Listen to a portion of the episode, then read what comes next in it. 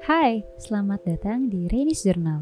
Di sini gue akan berbagi, bercerita, berdiskusi, atau bahkan bermonolog untuk menemani kalian pas kalian lagi gabut, pas kalian lagi nugas, pas kalian lagi mau tidur, atau apa pun itu. Rainis Journal bakal jadi wadah gue untuk bertukar apa pun, untuk berbagi apa pun yang semoga isinya jujur ya. Siapa pun kalian, selamat mendengarkan.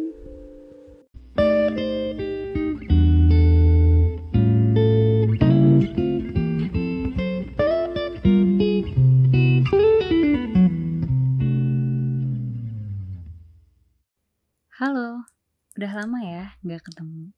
Ya gue tahu sih sebenarnya mungkin nggak banyak juga yang denger podcast ini karena podcast ini personal banget mungkin dan isinya kayak cerocosan gue aja tentang hidup dan belum banyak juga episodenya bahkan ini baru episode ketiga dan bahkan gue menunda berbulan-bulan untuk membuat episode ini tapi daripada babi ibu gue pengen mengucapkan selamat tahun baru buat teman-teman semua yang mendengarkan podcast ini atau buat siapa pun yang tiba-tiba dengar podcast ini semoga di tahun ini semuanya bisa jadi lebih baik semoga yang setahun kemarin ke belakang lebih banyak sedihnya di tahun ini bisa jadi penyembuh dari luka-luka yang udah ada.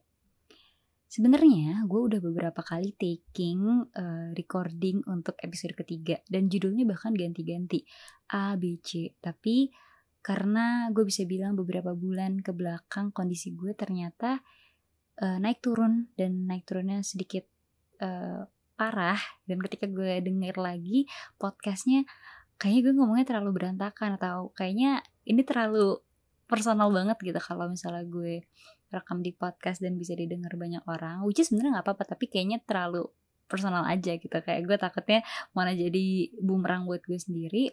Jadinya gue memutuskan untuk tidak usah mengupload uh, beberapa podcast atau beberapa episode yang udah gue rekam karena ya mungkin karena kondisi gue pada saat itu mungkin belum stabil, banyak curhatnya doang, mungkin banyak marah-marahnya di podcast atau banyak uh, ya gitulah ya berkeluh kesahnya. Tapi di sini gue pengen cerita, tetap hopefully bisa jujur dan bisa diambil hikmahnya. Tapi di sini lebih ke cerita aja tentang apa sih yang udah terjadi uh, setahun ke belakang, kurang lebih rangkumannya dan apa yang akan ingin gue lakukan terhadap diri gue di tahun depan. 2021 for me was a disaster menurut gue ya. Kayaknya gue bisa bilang 2021 adalah tahun terburuk yang pernah gue jalani, gue lewati sebagai seorang Arina Salsabila. Walaupun memang gak semua isinya buruk, eh, gue tetap mendapatkan kebahagiaan juga di 2021, tapi gue bisa bilang gue lebih banyak sedihnya atau porsi gue sedih tuh jauh lebih banyak dan lebih parah dan gue mengalami krisis-krisis yang bahkan gue sendiri tidak membayangkan gue akan melewati krisis-krisis tersebut gitu. Dimulai dari awal tahun di 2021, gue kehilangan salah satu orang terdekat yaitu ayah gue. Gue anak tunggal. Gue cuman bertiga gitu ya. Pas masih ada ayah pun cuman ada gue, ayah sama bunda. Ayah gue emang udah sakit dari lama, dari gue SMA ayah emang udah nggak bisa se aktif dulu gitu ya. Udah nggak bisa kerja secara normal juga dan segala macamnya. Tapi siapa sih yang nyangka akan ditinggal orang terdekat secepat itu? Bahkan gue belum lulus kuliah gitu. Dan ayah gue waktu itu meninggalnya terdiagnosis COVID-19 padahal ya selama ini di rumah aja literally nggak ke mana-mana tapi ya who knows mungkin memang itu jalannya jadi ya udah gitu Terus setelah ya gue meninggal di bulan Februari, karena ya gue meninggal tuh di akhir Februari, akhir Januari, di bulan Februari gue dan bunda gue juga terdiagnosis COVID-19. Bahkan gue kena COVID itu kurang lebih sebulan dan CT gue pada saat kena COVID itu rendah banget. Dan gue harus bawa tabung oksigen ke mana-mana. Gue sering banget susah nafas. Pokoknya itu disaster for me. Tapi waktu itu gue masih lumayan keras sama diri gue sendiri ya sebenarnya ya itu ya ini yang pengen gue bahas waktu itu gue keras banget sama diri gue sendiri jadi pas gue sakit gue tetap uh, rela-relain tetap ngurus proposal PKM terus juga gue masih XLFL dan segala macamnya gitu. Sampai di bulan Februari kelar alhamdulillah kayak kayaknya gue sampai lima kali swab gue lupa berkali-kali itu positif terus-terusan sampai akhirnya gue negatif dan gue seneng banget. Tapi ternyata masih ada luka yang belum gue selesaikan yaitu fase berduka gue grieving gue tuh sebenarnya belum gue mulai karena selama ini gue tahan pas gue sakit. Sebenarnya gue tahan di kepala dan jadinya jadi stressful. Sampai akhirnya di bulan Maret gue bisa konsultasi sama profesional gue secara offline sama psikolog gue dan akhirnya tumpah tuh. Tumpah setumpah-tumpahnya apa yang udah gue tahan. Dan di situ mulailah fase grieving gue. Uh, kalau misalnya teman-teman tahu uh, ada five stage of grieving. Awalnya tuh dimulai dengan anger atau kemarahan dan gue rasa di Maret akhirnya gue bisa membuka diri dan akhirnya gue merasakan si anger itu kemarahan-kemarahan terhadap diri gue. Kenapa gue kayak gini? Kenapa gue gitu? Uh, biasa lah ya penyesalan-penyesalan ketika lo ditinggalin sama seseorang yang deket banget. Fase berduka itu pasti uh, ada dan memang fasenya nggak gampang dan setiap orang juga beda gitu porsinya. Ada yang mungkin uh, grieving dia cuman satu bulan atau mungkin ada yang satu tahun atau dua tahun. Ya kita nggak bisa ngebandingin satu sama lain. Pokoknya di Maret itu gue memulai fase grieving gue terus di April gue juga masih berusaha untuk ya keep up with all the things. Sebenarnya ada sih hal-hal bahagianya tapi karena sekarang udah nggak membahagiakan lagi gue nggak mau menyebutkan apa yang membuat gue bahagia di bulan April. Tapi uh, di bulan Mei gue juga mengalami kehilangan uh, seseorang uh, yang ya kalau ceritain sebenarnya mengecewakan aja sih support system. Uh, terus sebenarnya juga ya di fase-fase tersebut di bulan-bulan yang tadi gue udah sebutin mungkin tadi kayaknya disaster semua gitu kayaknya kok sedih-sedihnya semua sebenarnya ada senangnya. Tapi di sini gue pengen ceritain aja gitu kayak how 2021 was really disaster for me karena memang jadi tiap bulannya ada aja gitu. Terus di bulan Mei uh, ternyata PKM gue nggak lolos intinya nggak lolos sampai PIMNAS atau yang kayak sampai didanai pokoknya pokoknya udah yang kayak sampai lumayan jauh tapi nggak sampai yang didanai gitu. Terus kata pembimbing gue kesalahannya cuma di administrasi jadi kayak cukup mengecewakan. Terus uh, sebenarnya gue juga kayak diterima seperti diterima student exchange yang harusnya berangkat uh, ke Korea Selatan pada bulan Agustus tapi ternyata ke cancel karena waktu itu Indonesia COVID-19-nya tinggi banget di bulan Juli. Nah, tapi pokoknya intinya kayak di bulan Juni sama Juli itu juga gue mengalami kehilangan uh, fase grieving lagi, uh, kehilangan nenek gue yang gue deket banget. Gue nemenin nenek gue cuci darah itu dari gue SMA sampai gue inget banget di bulan Juni itu ternyata terakhir kali gue nemenin nenek gue cuci darah. Bahkan gue sampai masih ada gitu video gue nemenin nenek gue cuci darah ngobrol nemenin beliau makan. Tapi ya di 2021 gue belajar banget lah kalau misalnya people it, people come and go and it it's really true gitu. Kalau misalnya orang tuh benar-benar datang dan pergi dan kita nggak tahu kapan exact time that the person that we knew will leave us. Entah itu leave us as a friends atau as a support system atau really leave us in the world gitu. Terus akhirnya gue ngalamin fase-fase itu terus di bulan Agustus gue gagal berangkat ke Korea. Itu juga jadi kekecewaan sebenarnya. Karena sebenarnya gue mempersiapkan untuk uh, exchange sebenarnya tuh udah dari lama banget sebenarnya udah dari 2020 bahkan bokap gue ayah gue tuh tahu kalau misalnya gue pengen exchange jadi gue udah nyiapin semuanya gitu mulai dari persiapan uh, survei maksudnya kayak gue ngeliat-liat kampus-kampus mana terus juga uh, pokoknya research lah ya dan segala macamnya terus akhirnya gue apply di akhir tahun 2020 terus akhirnya menjalani semua you know serangkaian seleksi dan segala macam dan alhamdulillah keterima. Tapi ternyata dibatalkan gara-gara covid dan itu cukup mengecewakan buat gue karena lagi-lagi gue ngerasa gagal gitu loh untuk uh, achieving one of my biggest dream. Di situ sebenarnya jadinya nyalahin diri gue terus-terusan sih. Sebenarnya balik lagi ya tadi gue udah sempet bilang di fase-fase tersebut di uh, bulan-bulan tersebut juga ada kebahagiaan yang datang tapi itu gue ngerasa yang gue inget sekarang adalah banyak sedihnya aja gitu. Lalu di bulan September gue yang coba bangkit tapi gue lagi-lagi harus merelakan salah satu mimpi gue yaitu jadi mapres. Jadi sebenarnya gue tuh udah kayak dibimbing gitu sama salah satu dosen gue untuk mempersiapkan seleksi mapres. Tapi pada saat itu di bulan September Oktober kondisi mental gue bener-bener nggak stabil banget bener-bener di tahap yang gue bahkan nggak paham gitu kenapa nggak nggak stabil gitu. Gue bahkan sering banget doubting myself gitu. Gue sering banget gak percaya sama diri gue sendiri kalau gue ngelakuin A, B, C. Misalnya gue ngelakuin kayak sharing gitu. Ada yang ngundang gue jadi pembicara atau as simple as doing Instagram live gue menerima gitu. Karena gue sebenarnya suka the art of sharing gitu. Ketika habis sharing tuh gue rasanya seneng banget karena gue seorang extrovert dan ngobrol sama orang atau sharing pengalaman atau sharing apa pun ke orang tuh rasanya bikin gue dapat energi yang baik aja gitu. Tapi setelah itu biasanya gue doubting myself karena gue ngerasa kayak why do people believe in you ketika lo bahkan gak bisa menyelesaikan problem sama diri lo sendiri gitu walaupun sebenarnya banyak teman-teman yang bilang sama gue ketika gue curhatin masalah ini enggak Korean lo tuh gini gini gini tapi kan semua orang emang ada masalah bla bla bla bla bla bla.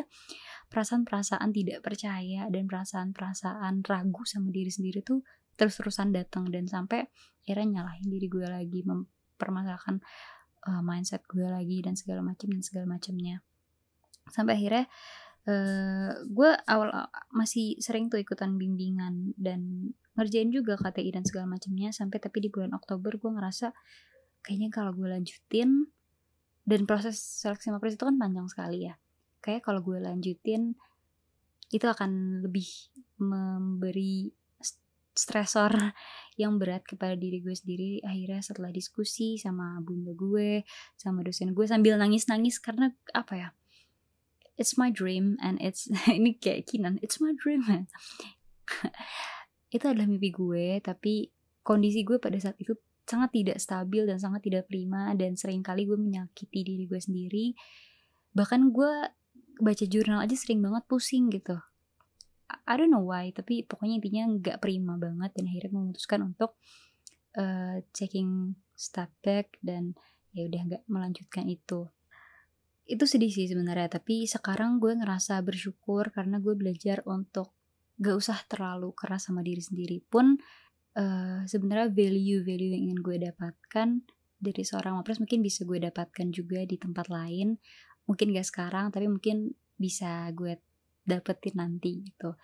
Pun ya karena proses uh, healing ya penyembuhan diri dari luka-luka yang terjadi juga nggak gampang. Jadi mungkin it's better for me to focus on myself first daripada menyakiti diri sendiri karena terlalu keras sama diri sendiri terus akhirnya di bulan November it's my birthday my 21st birthday tapi di awal bulan November karena masih nyisa-nyisa dari rasa benci sama diri sendiri di Oktober gue ngerasa it's my one of my worst birthday karena gue nggak nggak ngerasa fulfill gitu di ulang tahun itu. Banyak lah ya pikiran-pikiran jahat. Uh, sebenarnya gue nggak pengen bilang ini tapi gue bener-bener beberapa kali berpikir untuk menyerah untuk berpikir oh tidak usah melanjutkan hidup gue karena gak ngerasa berharga dan segala macamnya. Suicidal thoughts and suicidal attempts itu happened. Makanya tadi gue bilang ya di awal banyak krisis-krisis yang bahkan gue sendiri nggak nyangka gitu itu bisa datang ke diri gue. So it happened. Jadi uh, di November awal gue ngerasa down banget tapi alhamdulillah it's getting better. Perlahan-lahan gue kayak oh mungkin emang gini kali ya prosesnya bla bla bla. Perlahan-lahan gue kayak belum menemukan jawaban secara utuh tapi perlahan-lahan gue kayak dikasih pengertian sama semesta. Di bulan Desember gue ngerasa happy. At first, happy banget. Gue ngerasa uh, Desember tuh kayak bulan baik banget karena nggak tahu gue ngerasa happy aja di Desember. Tapi ternyata we never know. Di akhir Desember ada salah satu hal yang men-trigger gue karena hal itu sebenarnya udah kejadian di tahun ini juga yang bikin gue kecewa lagi sama diri gue dan itu terjadi lagi gara-gara trigger yang berbeda tapi problemnya sama yang bikin gue doubting myself lagi kayak ngerasa oh mungkin gue nggak cukup kali ya sebagai seseorang atau lalala lili lili. Nah akhirnya men-trigger gue untuk ya yeah, do something bad to myself sampai di gue lupa hari apa tepatnya kayak beberapa hari sebelum 2022 gue bener-bener di tahap yang parah banget. Gue berpikir untuk doing that tapi alhamdulillah gue punya teman-teman yang baik. Uh, gue sedih sih sebenarnya kalau inget-inget ini karena kayak ya ampun gue nggak menyangka gitu loh gue sampai bisa berpikiran seburuk itu tentang diri gue dan gue, benar-benar berpikir untuk nyerah pada saat itu. Tapi I really grateful that I have a lot of good friends sampai teman-teman gue tuh nelfon nelfonin gue. Padahal HP gue gue matiin gue ngunci diri di kamar gue bilang sama bunda gue kayak jangan ganggu aku dulu aku lagi nggak bisa ngomong dan segala macem. Tapi teman-teman gue tuh bener-bener nge-reach gue nelfonin nyokap gue ngirimin gue makanan dan segala macem. Sampai teman gue juga ada yang nyamperin gue ke rumah. Dan perlahan-lahan kondisi gue tuh membaik gitu dan akhirnya I'm here. Gue ngerasa bangga aja sama diri gue jadi mewek ya. Tapi gue bener-bener di tahap yang gue pengen nyerah pada saat itu. Gue ngerasa kayak I can't take it anymore God. Ya Allah aku nggak bisa dikasih cobaan lagi kayak gini. Ya gue bener-bener berpikir ya gak baik lah terhadap dunia dan seisinya.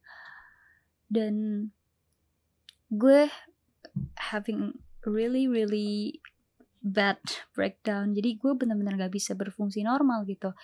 Gue gak bisa berpikir dengan jernih. Gue gak bisa mendengarkan kata-kata baik gitu. Gue gak bisa diajak bersyukur pada saat itu. Bahkan gue gak bisa beranjak dari kasur gue. Gue cuma bisa nangis seharian pusing dan segala macem. Dan ya yeah, it happened. Gue cerita tentang problem-problem di 2021 aja ini sampai hampir kurang lebih 15 menit ya. Tapi it is what it is. Jadi gue ngerasa 2021 adalah tahun terberat yang pernah gue jalani sebagai Arina Salsabila it's such a bad year but hopefully it taught me a lot of lessons too. Dan gue mengalami banyak breakdown di mana gue jadi unable to function normally.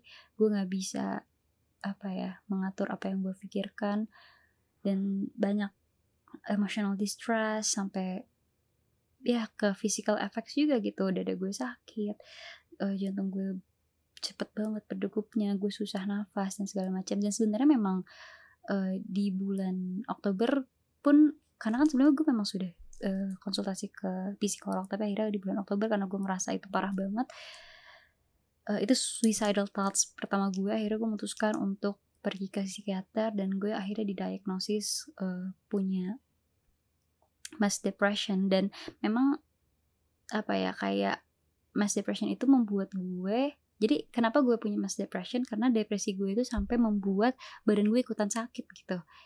So it it's what happened to me back then. Ya mungkin sampai sekarang masih ada tapi perlahan-perlahan membaik ya. Um, yang pengen gue sampein di podcast kali ini adalah um, hal-hal kayak gitu problem-problem yang gue alami mungkin bisa terjadi sama siapa aja. Dan mungkin banyak orang yang mungkin problemnya lebih berat dari gue tapi mereka bisa lebih kuat hatinya mereka bisa lebih tegar jiwanya. Tapi gue nggak bisa pun gak apa-apa setiap orang punya kadarnya sendiri-sendiri dalam menjalani hidup dan dalam mengatur emosi dia dan gue pun masih belajar. Makanya di sini gue bilang dan salah satu uh, life lessons yang gue ambil dari 2021 adalah kalau misalnya manusia itu we are human we are constantly evolving gitu. Kita tiap hari uh, atau mungkin bukan tiap hari tapi mungkin lebih kayak dari waktu ke waktu kita tuh pastinya evolve gitu berubah. Uh, mungkin dalam prosesnya uh, in the process of evolving itu nggak semuanya berjalan mulus. Ada ups and downnya but we evolve we change to develop slowly often to be a better person um, and in the more advanced state. Yang tadi ya kayak tadi tuh evolving gue tuh prosesnya balik lagi nggak semuanya seneng bahkan banyak banget uh, downturnnya. Tapi gue yakin gue bisa berubah jadi pribadi yang lebih baik mungkin pribadi yang bisa mengenal diri gue lebih baik juga di tahun depan bisa lebih appreciate myself lebih sayang sama diri gue di tahun yang baru ini hopefully. Jadi uh, gue pengen bilang sama kalian semua dan sama gue sendiri bahwa it's okay to have a bad day kalau misalnya kayaknya hari-hari lo berjalan tidak mulus it is what it is gitu but we are constantly evolving. Anggap aja downturn-downturn yang udah terjadi itu jadi salah satu kerikil atau tanjakan untuk jadi pribadi yang bisa develop slowly but surely jadi lebih baik lagi. Semoga uh, tahun ini bisa jadi penyembuh luka dari banyak kejadian-kejadian yang tidak menyenangkan di tahun yang lalu. Semoga kita semua bisa jadi versi terbaik dari diri kita masing-masing tanpa perlu membandingkan diri kita dengan orang lain, tanpa perlu terlalu keras sama diri kita, dan kita bisa lebih appreciate ourselves better than yesterday. So, constantly evolving and constantly being better. Bye. Hope you all have a nice day.